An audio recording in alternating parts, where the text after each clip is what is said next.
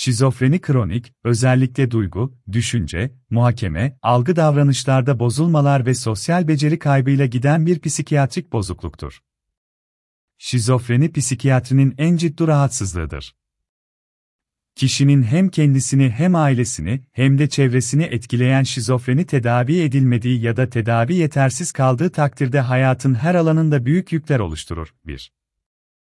Şizofreninin ömür boyu görülme sıklığı ülkeden ülkeye değişebilmekte birlikte ortalama %1 olarak kabul edilir. Dünyada tahminen 21 milyonun üzerinde şizofrenili hasta mevcuttur.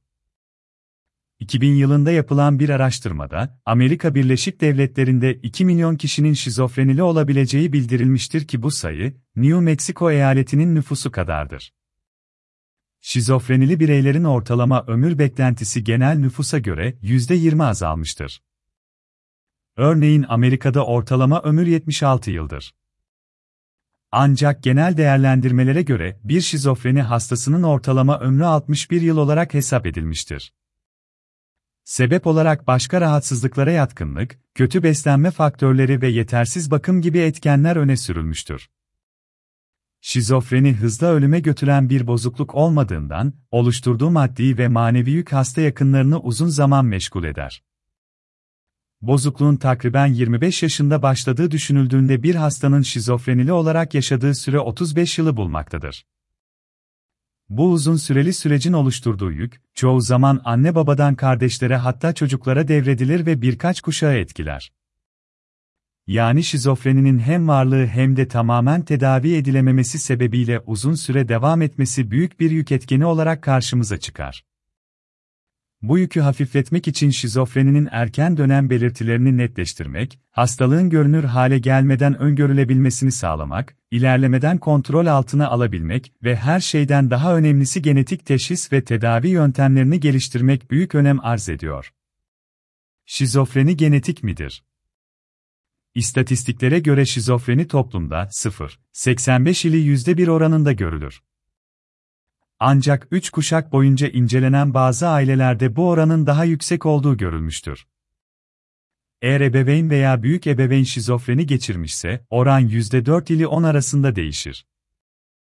Yani dedevine ya da anne babadan biri şizofrenili ise, hastalığın çocuklarda görülme riski 4 ile 10 kat artıyor. Şizofreninin görülme sıklığının çok yüksek olduğu İskandinavya ülkelerinde yapılan ikiz çalışmalarında, ikizlerden biri hastalanmışsa diğerinin de hastalanma oranı, çift yumurta ikizlerinde %10 ila %15, tek yumurta ikizlerinde ise %35 ili %47 olarak belirlenmiştir. Yani tek yumurta ikizlerinden biri hastalanınca diğerinin hastalanma riski ortalama 40 kat artıyor. Burada dikkati çeken önemli nokta, tek yumurta ikizlerinde hastalanmama oranının da 55-65 olduğudur. Genetik olarak aynı olan tek yumurta ikizlerinden biri hastalandığında diğerinin de %100 hastalanması beklenirdi. Ancak 100 şizofrenili tek yumurta ikizinden 65'inin eşinde hastalanma olmuyor. Bu şunu gösteriyor, şizofreni genine sahip olan herkes hastalanmıyor, bu geni harekete geçirecek çevresel faktörlerin de olması gerekiyor. Şizofreniye sebep olan çevresel faktörleri belirlemek ve genetikte aile çevresinin etkilerini ayırt edebilmek için evlat edinme çalışmaları yapılmıştır.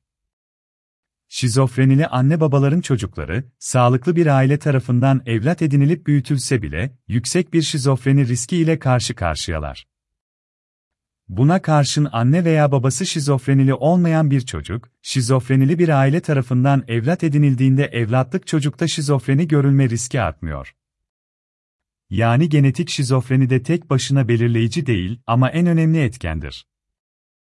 Şizofrenili hastaların birinci derece akrabalarında şüpheci, kuşkucu ve doğaüstü varlıklarla aşırı uğraşan kişiliklere de çok sık rastlanır. Bunlar da genetik yatkınlığı destekleyen çalışmalardır. Son yıllarda varsanı ve sanrı üreten genler keşfedilmiştir. Bozuk genetik faktörler, beynin gelişim aşamasında sinir ağlarının yanlış organize olmasına dolayısıyla şizofreniye yatkınlığa sebep olur.